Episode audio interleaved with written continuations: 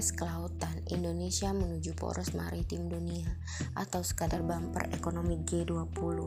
Presiden Jokowi menerbitkan Perpres 34 2022 tentang Rencana Aksi Kebijakan Kelautan Indonesia atau KKI 2021 hingga 2025. Perpres yang ditandatangani pada 22 Februari 2022 itu diterbitkan berdasarkan pertimbangan untuk mewujudkan cita-cita Indonesia sebagai poros maritim dunia.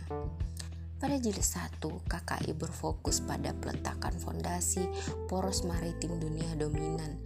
Pada banyaknya kegiatan pembangunan infrastruktur konektivitas seperti pembangunan pelabuhan, pengadaan kapal dengan rute tol laut, pembangunan bandara, dan infrastruktur jalan termasuk tol dan lain-lain sebagai penunjang untuk mempermudah kinerja logistik ke seluruh penjuru negeri. Sedangkan KKI jilid 2 sesuai Perpres 34 2022 mengutamakan kegiatan-kegiatan strategis di bidang kedaulatan maritim dan penguatan doktrin poros maritim dunia. Indonesia diharapkan makin dihormati oleh negara-negara kawasan maupun dunia.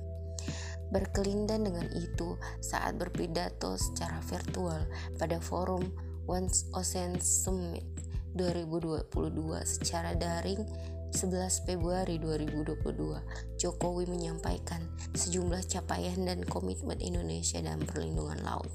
Tidak lupa, semua ini dalam rangka mendukung pengaruh utama isu kelautan khususnya dengan posisi presidensi G20 Indonesia yang nantinya akan mengangkat pentingnya ekonomi biru, karbon biru, dan penanganan sampah laut. Wajar jika konsep ini selain mendukung poros maritim dunia sejalan dengan konten rencana aksi KKI Jilid 2. Mencermati semua ini, visi besar poros maritim dunia tampaknya tidak akan lebih dari sekedar bumper ekonomi bagi G20. Kita ketahui, G20 sendiri dicanangkan sebagai katalis pemulihan ekonomi global yang kuat, inklusif dan berkelanjutan. Labelnya saja yang tampak mentereng dengan istilah poros maritim dunia, tetapi sejatinya polanya tiada beda dengan pesanan asing yang diinfiltrasikan untuk dilaksanakan di negeri ini dengan rezim penguasa sebagai fasilitatornya.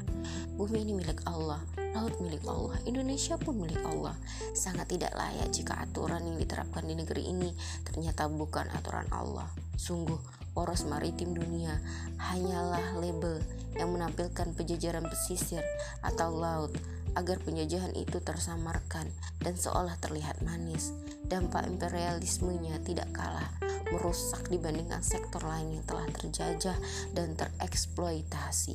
Bagaimanapun, kapitalisme beserta semua derivatnya adalah ide rusak dan merusak, tidak layak diambil apalagi diterapkan.